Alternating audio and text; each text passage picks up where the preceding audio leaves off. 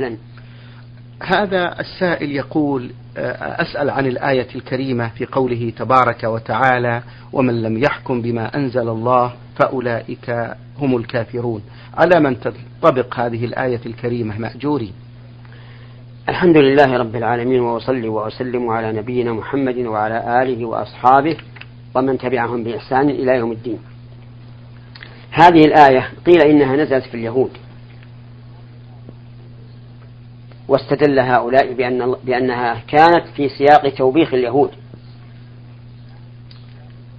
قال الله تعالى إنا أنزلنا التوراة فيها هدى ونور يحكم بها النبيون الذين أسلموا للذين هادوا والربانيون والأحبار بما استحفظوا من كتاب الله وكانوا عليه شهداء ومن لم يحكم بما أنزل الله فأولئك هم الكافرون وقيل إنها عامة في اليهود وغيرهم وهو الصحيح لأن العبرة بعموم اللفظ لا بخصوص السبب ولكن ما نوع هذا الكفر قال بعضهم إنه كفر دون كفر ويروى هذا عن ابن عباس رضي الله عنهما وهو كقوله صلى الله عليه وعلى آله وسلم سباب المسلم فسوق وقتاله كفر وهذا كفر دون كفر بدليل قول الله تعالى وإن طائفتان من المؤمنين اقتتلوا فأصلحوا بينهما فإن بغت إحداهما على الأخرى فقاتلوا التي تبغي حتى تفيء إلى أمر الله فإن فاءت فأصلحوا بينهما بالعدل وأقسطوا إن الله يحب المقسطين إنما المؤمنون إخوة فجعل الله تعالى الطائفتين المقتتلتين إخوة للطائفة الثالثة المصلحة وهذا قتال مؤمن لمؤمن فهو كفر لكنه كفر دون كفر وقيل إن هذا يعني قوله تعالى ومن لم يحكم بما أنزل الله فأولئك هم الكافرون ينطبق على رجل حكم بغير ما أنزل الله بدون تأويل مع علمه بحكم الله عز وجل لكنه حكم بغير ما أنزل الله معتقدا أنه مثل ما أنزل الله أو خير منه وهذا كفر لأنه استبدل دين الله بغيره نعم جزاكم الله خيرا عبد الله المصري من اليمن صعدة يقول آه، أسأل عن مسألة قراءة القرآن والمكث في المسجد بالنسبة للحائض والجنب واستماع الذكر في المسجد حيث قد ورد بعض الأحاديث والأخبار منها حديث عائشة أن تعطيه القطيفة فقالت إني حائضة قال ليست الحيضة في يدك في يدك حديث اعملي ما يعمل الحاج ولم يقل لا تدخلي المسجد الحرام كان رسول الله صلى الله عليه وسلم يتكئ في حجرها وأيضا كان الرسول صلى الله عليه وسلم يذكر الله على كل في كل أحيانه كان أصحابه ينامون في المسجد ويجنبون فيه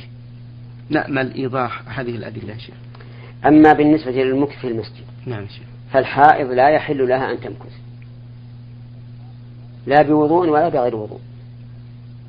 دليل ذلك نعم. أن النبي صلى الله عليه وعلى آله وسلم منع عائشة من الطواف في البيت لأن الطواف مكث وأما حديث الخمرة فإن إحضار الخمرة من المسجد ليس مكثف في المسجد بل هو مرور فيه ويجوز للحائض أن تمر في المسجد إذا أمنت تلويثه وأما الجنوب فلا يحل له أن يمكث في المسجد إلا بوضوء والصحابة الذين ينامون في المسجد لنا أن نقول من قال لك إنهم يجنبون ثم إذا أجنبوا ولم يستيقظوا فالنائم لا إثم عليه وإن استيقظوا كفاهم الوضوء لأن الجنوب يجوز أن يمكث في المسجد إذا إذا توضأ أما قراءة القرآن فالجنوب لا يحل له أن يقرأ القرآن حتى يغتسل والحائض يجوز أن تقرأ القرآن لحاجة أو مصلحة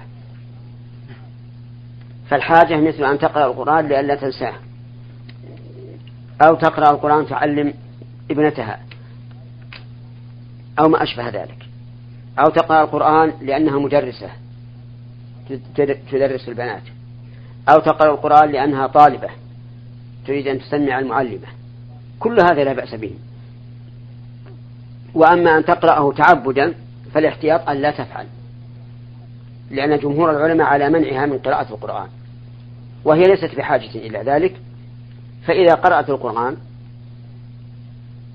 للتعبد بتلك التلاوة كانت دائرة بين الإثم والأجر آثمة عند بعض العلماء مأجورة عند آخرين والسلامة أسلم والخلاصة الآن الجنوب يجوز أن يمكث في المسجد إذا توضأ الجنوب لا يحل له أن يقرأ القرآن أبدا لأن الأمر بيده يغتسل ويقرأ القرآن نعم. الحائض لا يجوز أن تمكث في المسجد أبدا ويجوز أن تمر به عابرة الحائض يجوز أن تقرأ القرآن لحاجة أو مصلحة نعم أحسن الله إليكم آه المستمع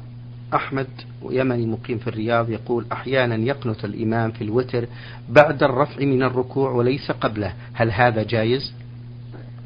نعم القنوت يجوز قبل الركوع وبعده ولكن ليعلم أنه لا قنوت في الفرائض إنما القنوت في وتر الليل أما الفرائض فيجوز إذا نزل بالمسلمين نازلة أن يقنت الإمام الأعظم أي رئيس الدولة ويقنت أيضا من يأمره رئيس الدولة بالقنوت وإذا لم يأمر رئيس الدولة بالقنوت فلا قنوت لأن الأمر في القنوت في النوازل يرجع إلى رئيس الدولة لا إلى أفراد الناس بدليل أن النبي صلى الله عليه وعلى آله وسلم قنت في النوازل ولم نحفظ أنه أمر الناس بذلك أي أمر بقية المساجد فالأمر في قنوت النوازل إلى الإمام يعني رئيس الدولة إن أمر به فسمع وطاعة وإن لم يأمر به لا والحمد لله الدعاء ليس خاصا بالقنوت تدعو الله تعالى وإن, وإن كنت في السجود وإن كنت بين الأذى والإقامة وليس الدعاء المستجاب محصورا في في دعاء القنوت. نعم. جزاكم الله خيرا. إذا مر الإمام بسورة فيها سجدة في الصلاة فإنه لا يسجد، فهل عمله صحيح؟ إذا كان في صلاة سرية فنعم لأنه لو سجد لشوش على المصلين وحصل ارتباك وأما إذا كان في جهرية فقد ثبت أن النبي صلى الله عليه وسلم صلى ومر بسجدة فسجد ولا ينبغي الخروج عن هدي النبي صلى الله عليه وعلى آله وسلم والإمام يحتج به فربما يظن بعض العوام الذين خلفه أن هذه السجدة التي ترك السجود فيها ليست بسجدة فيمرون بها ولا يسجدون فلا ينبغي للإمام في الصلاة الجهرية إذا مر بآية السجدة إلا أن يسجد نعم حفظكم الله سدد خطاكم هذا السائل واو ألف من سوريا يقول بعد كل أذان يقول المؤذن الصلاة والسلام عليك يا سيدي يا رسول الله يا من في المدينة المنورة آه، يا صلاة وسلاما دائما عليك هل هذا من البدع نعم هذا والله من البدع ويجب الكف عنه لأن النبي صلى الله عليه وعلى آله وسلم إنما حث على الصلاة والسلام على الصلاة عليه ثم الدعاء بالوسيلة له فإذا فرغ المؤذن من الأذان قال اللهم صل على محمد اللهم رب هذه الدعوة التامة والصلاة القائمة آت محمد الوسيلة والفضيلة وابعثه مقاما محمودا الذي وعدته إنك لا تخلف الميعاد وكذلك يقول من كان يتابع المؤذن نعم. ولكن لا يقوله في الميكروفون أو على المنارة يقول ذلك سرا في نفسه لأن ألفاظ الأذان محفوظة منقولة بالتواتر بين المسلمين وليست فيها هذه الزيادة فالدعاء يكون سرا وليس ولا يكون جهرا نعم فضيلة الشيخ هل يأتم المؤذن المؤذن إذا استمر على مثل هذه الصيغة؟ نعم يأثم لأن النبي صلى الله عليه وسلم حذر من البدع تحذيرا بالغا وقال كل بدعة ضلالة وهل يمكن لإنسان أن يتجرأ على الضلالة كل وقت ولا سيما وأنه ينادي للصلاة وللفلاح نعم أحسن الله إليكم أه، سؤاله الثاني يقول هل تصح الصلاة في مسجد فيه قبر يقال بأن صاحب هذا القبر ولي يقال هكذا ما الحكم في ذلك الصلاة في المسجد الذي فيه قبر ينظر هل المسجد بني على القبر أو أنه سابق على القبر ثم دفن فيه الميت فإن كان الأول فإن الصلاة فيه حرام لا تجوز يعني إن كان المسجد بني على القبر فالصلاة فيه لا تصح ويجب أن يهدم القبر آه، أن يهدم المسجد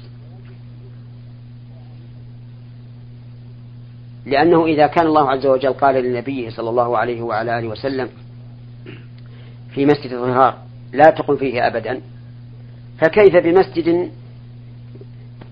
وسيلة للشرك فلا تحل الصلاة فيه ولا تصح الصلاة فيه ويجب أن يحفر القبر وينقل الميت إلى إلى المقابر أما إذا كان المسجد سابقا ثم دفن فيه هذا الميت فهنا يجب إخراج الميت من من المسجد وجوبا لأنه لا حق لأحد أن يدفن ميته في, في بيت من بيوت الله البي المسجد للمصلين وليس للميتين فيجب أن ينبش القبر ويدفن الميت مع الناس فإن قدر أنه لم يكن هذا وأن نبشه غير ممكن لغلبة الجهل وضعف السلطة وضعف الدين فالصلاة في المسجد صحيحة بشرط أن لا يكون القبر أمام المصلين أي قبلتهم بل يكون على اليمين أو الشمال أو الوراء نعم أحسن الله إليكم هذا المستمع من الرياض يقول إذا أخل المسلم بركن واحد من أركان الإيمان الستة فما الحكم؟ إذا أخل بركن من أركان الإيمان الستة جحدا وتكذيبا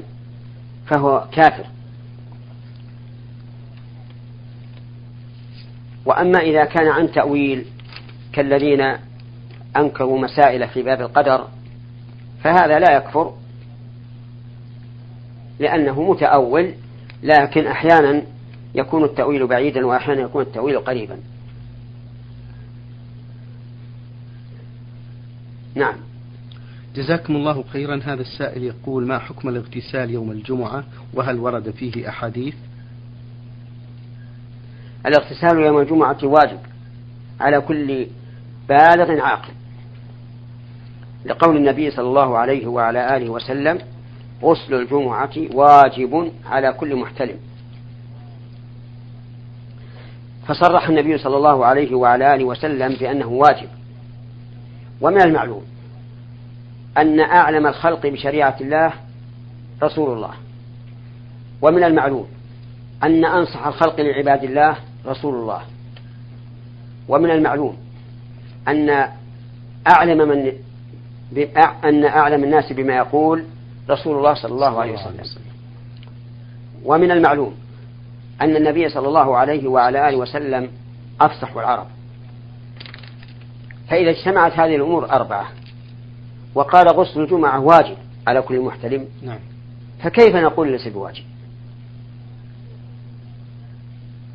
لو أن هذه العبارة جاءت في متن من المتون الذي ألفه عالم من العلماء وقال فيه فصل غسل الجمعة واجب لم يشك أحد يقرأ هذا, هذا الكتاب إلا أن المؤلف يرى وجوبه هذا وهو آدمي معرض للخطأ والصواب فكيف والقائل بذلك محمد رسول الله صلى الله عليه وعلى آله وسلم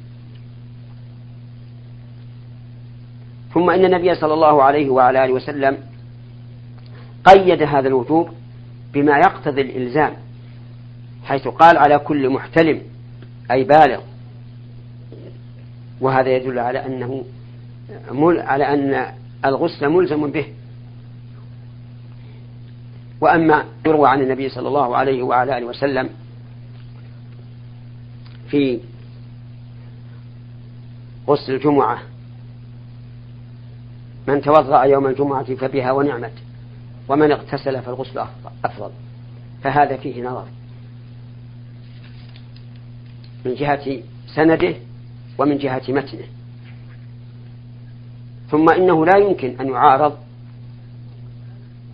أن يعار أن ثم لا يمكن أن يعارض به حديث أبي سعيد الثابت في الصحيحين وغيرهما الصريح الواضح وهو قوله صلى الله عليه وعلى آله وسلم غسل الجمعة واجب على كل محتلم ولكن متى يبتدئ هذا هذا الوجوب؟ أقرب ما يقال أنه يبتدئ إذا طلعت الشمس لأن ما بين طلوع الفجر وطلوع الشمس وقت للفجر فالأحوط أن يكون اغتساله بعد طلوع الشمس والأفضل أن يكون عند إرادة الذهاب إلى المسجد إذا قلنا إنه واجب نعم فهل تصح الجمعة بدونه؟ يعني لو تعمد تركه وصلى هل تصح؟ فالجواب نعم تصح لأنه أه، لأن هذا الغسل ليس عن جنابة ولكن ولكنه أوجبه النبي صلى الله عليه وسلم ليتبين ميزة هذا اليوم عن غيره ويدل لهذا أنه ثبت عن أمير المؤمنين عمر بن الخطاب رضي الله عنه أنه كان يخطب فدخل عثمان وهو يخطب فكأنه عرض به أي عرض بعثمان أنه تأخر إلى الخطبة فقال عثمان والله يا أمير المؤمنين ما زدت, ما زدت على أن توضأت ثم أتيت فقال والوضوء أيضا وقد قال النبي صلى الله عليه وعلى آله وسلم إذا أتى أحدكم الجمعة فليغتسل وصلى عثمان بدون غسل وفي هذا الحديث في هذا الأثر عن عمر دليل واضح على أن غسل الجمعة واجب وإلا فكيف يوبخ عمر عثمان رضي الله عنه أمام الناس على تركه نعم لو اغتسل ليلا أو بعد الفجر ونوى به غسل الجمعة إن اغتسل قبل الفجر فلا ينفعه لأن اليوم لم يدخل بلا أشكال وإن اغتسل بعد الفجر ففيه احتمال لكن الأفضل أن يكون بعد الشمس بعد طلوع الشمس حفظكم الله يقول السائل هل يجب على الإمام أن يقرأ سورة, سورة من منتصف السور الطويلة بعد الفاتحة عند كل صلاة أم الأفضل أن يقرأ السور القصيرة من أولها الأفضل أن يقرأ السور القصيرة ولتكن قراءته في المفصل من قاف إلى آخر سورة الناس ويكون قراءته في الفجر من طوال المفصل وفي المغرب من قصار المفصل وفي الباقي من أوساط المفصل قال أهل العلم المفصل طواله من قاف إلى عمنا نعم. وقصاره من الضحى إلى آخر القرآن وأوساطه ما بين ذلك وسمي مفصلا لقصر سواره وكثرة فواصله ومن الحكمة في الاستمرار بقراءة المفصل أن المأمومين كلما تكررت عليهم السور حفظوها وسهل عليهم قراءتها بخلاف ما إذا كان يقرأ من كل سورة آيتين أو ثلاثا فإنه يبعد أن يحفظه يحفظها العوام ثم أن ابن القيم رحمه الله قال في زاد المعاد ليس من هدي النبي صلى الله عليه وعلى آله وسلم يعني في الفريضة أنه يقرأ من أواسط السور وأظنه قال أو أواخرها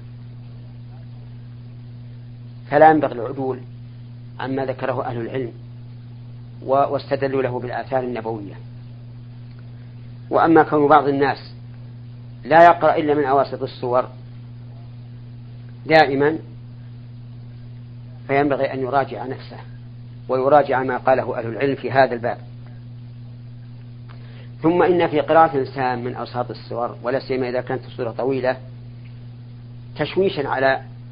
المصلين الذين يحفظون القرآن لأنه إذا قرأ من أوسط السورة الطويلة سيبقى هذا متشوشا هل سيقرأ إلى آخر السورة هل سيقرأ آيتين أو ثلاثا ثم يكون في, في, في نفسه نوع من الاضطراب أما إذا قرأ من السور القصيرة عرف المبتدأ والمنتهى اطمأن نعم آه، في الآية يا شيخ فاقرأوا ما تيسر من القرآن ما ينطبق هذا على منتصف السور نعم تنطبق ونحن لا نقول أن هذا حرام لكن لكن الأفضل الأفضلية نعم. جزاكم الله خير الله يحفظك آه، أخت مستمعة للبرنامج من الأفلاج آه، تقول في هذا السؤال ما الحكم إذا رأت المرأة الدورة الشهرية على شكل خيوط دقيقة وصغيرة جدا بنية اللون وتكون المدة يومين أو ثلاثة ثم بعد ذلك ينزل الدم السؤال هل تترك المرأة الصلاة عند رؤيتها لتلك العلامة وهل يلزمها القصة بعد الغسل الحيض هو الدم الذي يسيل نعم الدم الخالص الذي يسير وأما الكدرة والصفرة فهذه ليست بشيء كما قالت أم عطية رضي الله عنها كنا لا نعد الصفرة والكدرة شيئا أخرجه البخاري وفي رواية لأبي داود بعد الطهر شيئا ثم آه، ليعلم أن الصفرة أو الكدرة التي ذكرت المرأة هذه نعم. إذا كانت في أثناء أيام الحيض فهي تابعة له نعم فضيلة الشيخ حفظكم الله مسائل الحيض مسائل طويلة والأخوات دائما يرسلنا رسائل في هذا هل هناك كتب معينة ممكن ترجع لها الأخت في هذا الموضوع ليس هناك كتب معينة الفقهاء رحمهم الله تكلموا على الحيض نعم وجعلوا له بابا مستقلا نعم. لكن بعض الفقهاء رحمهم الله وعفى عنهم ذكروا مسائل لا يفهمها ولا طالب العلم أيوة. ونعلم أن هذا ليس مرادا في الشريعة فالشريعة أهوى من هذا دم الحيض معروف تعرفه النساء طيب وهو لا, لا بد أن يسيل لأن الحيض مأخوذ من السيلان وأما ما يذكره بعض الفقهاء رحمهم الله من أن التفاصيلات ومتحيرة وشاكة ومترددة وما أشبه ذلك مما لا يكاد يعرفه طالب العلم حتى أن بعضهم يوصل باب الحيض إلى 150 صفحة مثلا فهذا أقول فيه نظر نعم ولذلك لا أستطيع أن أحيل أحدا على شيء من الكتب طيب جزاكم الله خير آه، من أسئلة الأخت من الأفلاج ما حكم وضع شعر الرأس للمرأة ضفيرة واحدة على الظهر وهل يؤثر ذلك على الصلاة أم لا هذا لا, لا يؤثر على الصلاة وأما الاقتصار على ضفيرة واحدة فإن بعض العلماء كرهه وقال إن أنه لا ينبغي أن أن يقص أن ينقص عن ثلاث ضفائر ولكني أنا ليس عندي علم في هذه المسألة نعم جزاكم الله خير تذكر هذه السائلة بأنها تعمل مدرسة وتسمع كثيرا من زميلاتها في المدرسة بأنهن قرب الامتحان يضعن مراجعة للمنهج الذي يقومن بتدريسه للطالبات وتكون أسئلة الاختبارات من صميم تلك المراجعة فهل هذا العمل جائز يا شيخ؟ لا يحل للمدرسة أن تشير إلى موضع أسئلة الامتحان سواء بتدريس المواضع التي تريد أن آه، تأخذ منها الأسئلة أو بالإشارة إلى ذلك مثل أن تقول هذا هام أو هذا غير هام المهم أنه لا يجوز أن تشير لا تصريحا ولا تلميحا إلى مواضع الأسئلة وهي مؤتمنة على هذا وليس الشأن أن أن نكدس آه، طلبة أو طالبات آه، أخذن الشهادة الشأن أن يكون الطالب نجح عن جدارة نعم أخيرا تقول آه، بعض المعلمات هداهن الله يحددن الاختبار مثلا مادة التعبير والإملاء تكون عشرة مواضيع فتقوم المعلمة بتحديد ثلاثة مواضيع فقط للاختبار هل هذا العمل جائز؟ هذا كالأول كالأول نعم طيب شكر الله لكم يا فضيلة الشيخ وبارك الله فيكم وفي علمكم ونفع بكم الإسلام والمسلمين أيها الإخوة والأخوات في الختام تقبلوا تحيات زميلي مهندس الصوت حمد بن محمد الوابلي والسلام عليكم ورحمة الله وبركاته نور على الدرب برنامج يومي يجيب فيه أصحاب الفضيلة العلماء على أسئلة المستمعين البرنامج من تقديم وتنفيذ عبد الكريم ابن صالح المجرم